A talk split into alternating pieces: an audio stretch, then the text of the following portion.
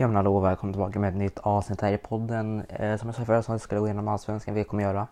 Men eh, sen hade jag inte tänkt på, då var att även fotbolls-OS har gått igång, det är bara damer som har det.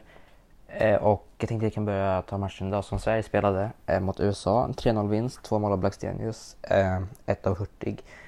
Eh, jag tyckte de, eh, men det var stabilt, det var lugnt, de eh, hade kontroll i matchen sen, tidigt in.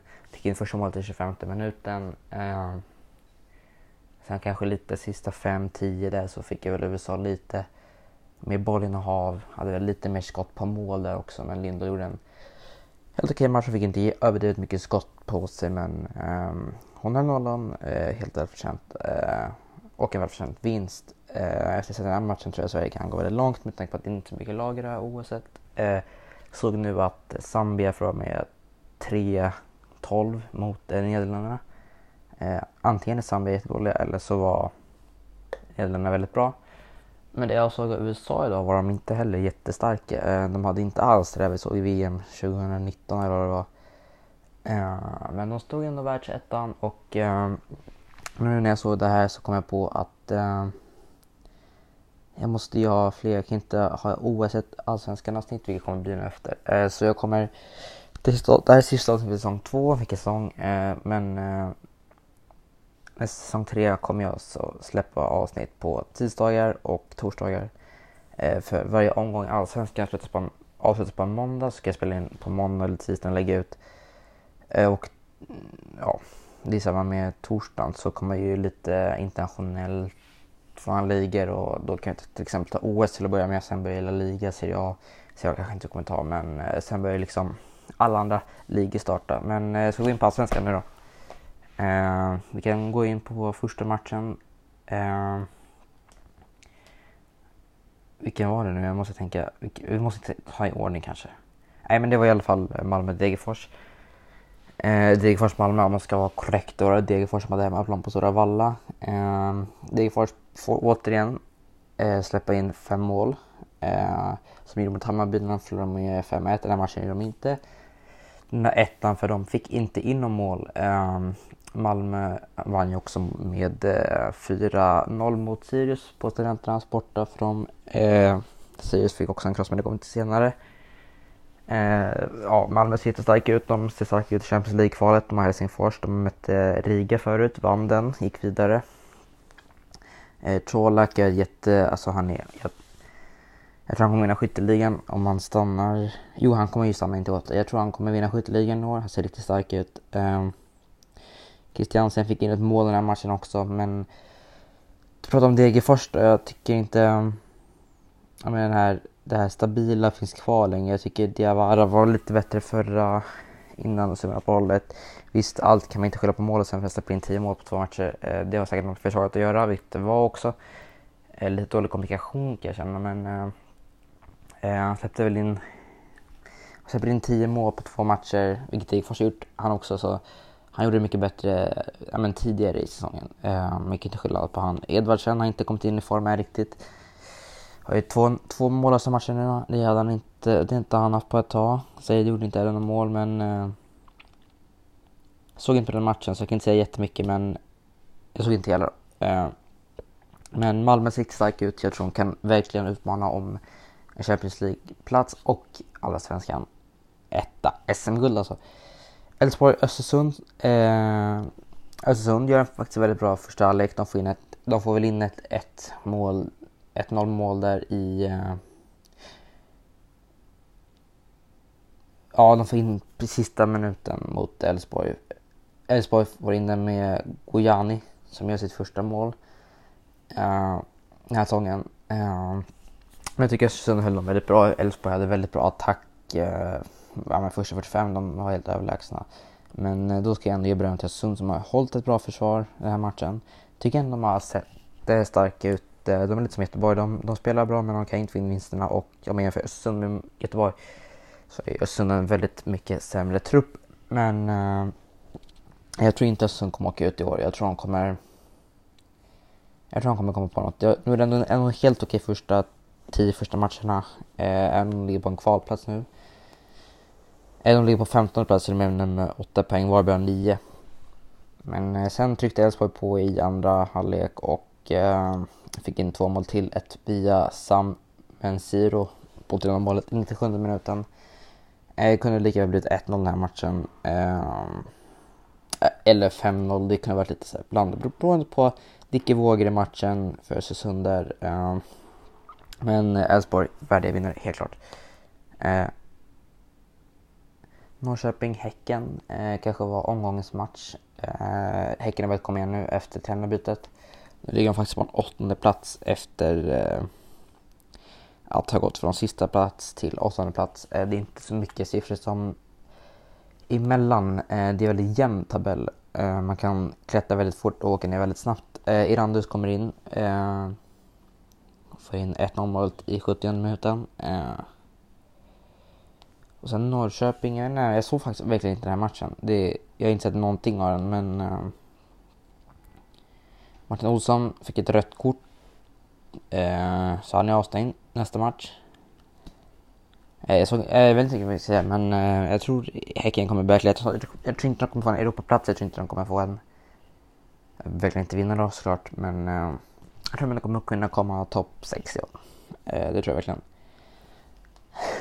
Örebro i Hammarby. Eh, eh, Örebro har ju säkrat två nyförvärv, eh, Hamad och eh, Bishara. Eh, själv tror jag det är, det är säkert det, eh, det är jättebra värvningar.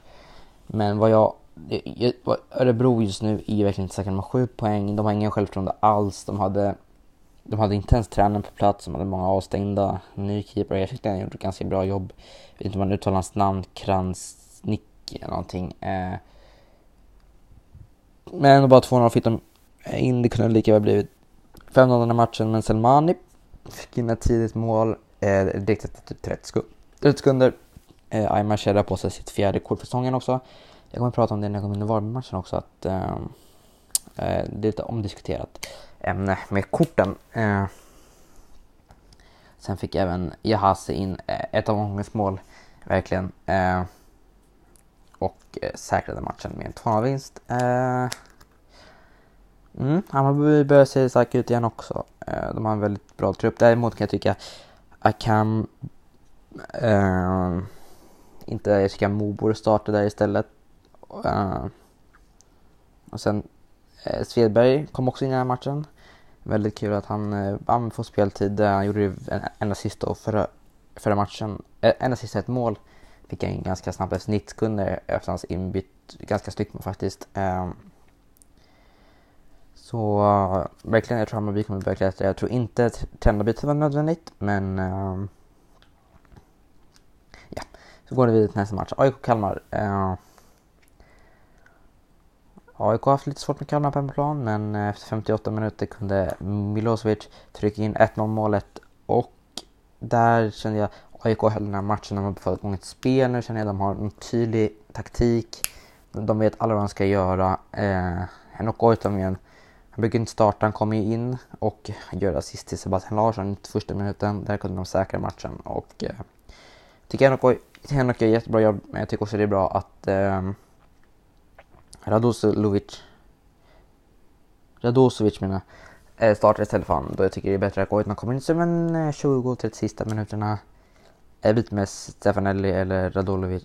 Um, ehm, och kan komma in och göra med avgörande um, ja, men passningarna. Kom in och styr spelet lite. Han är väldigt bra ledare typ.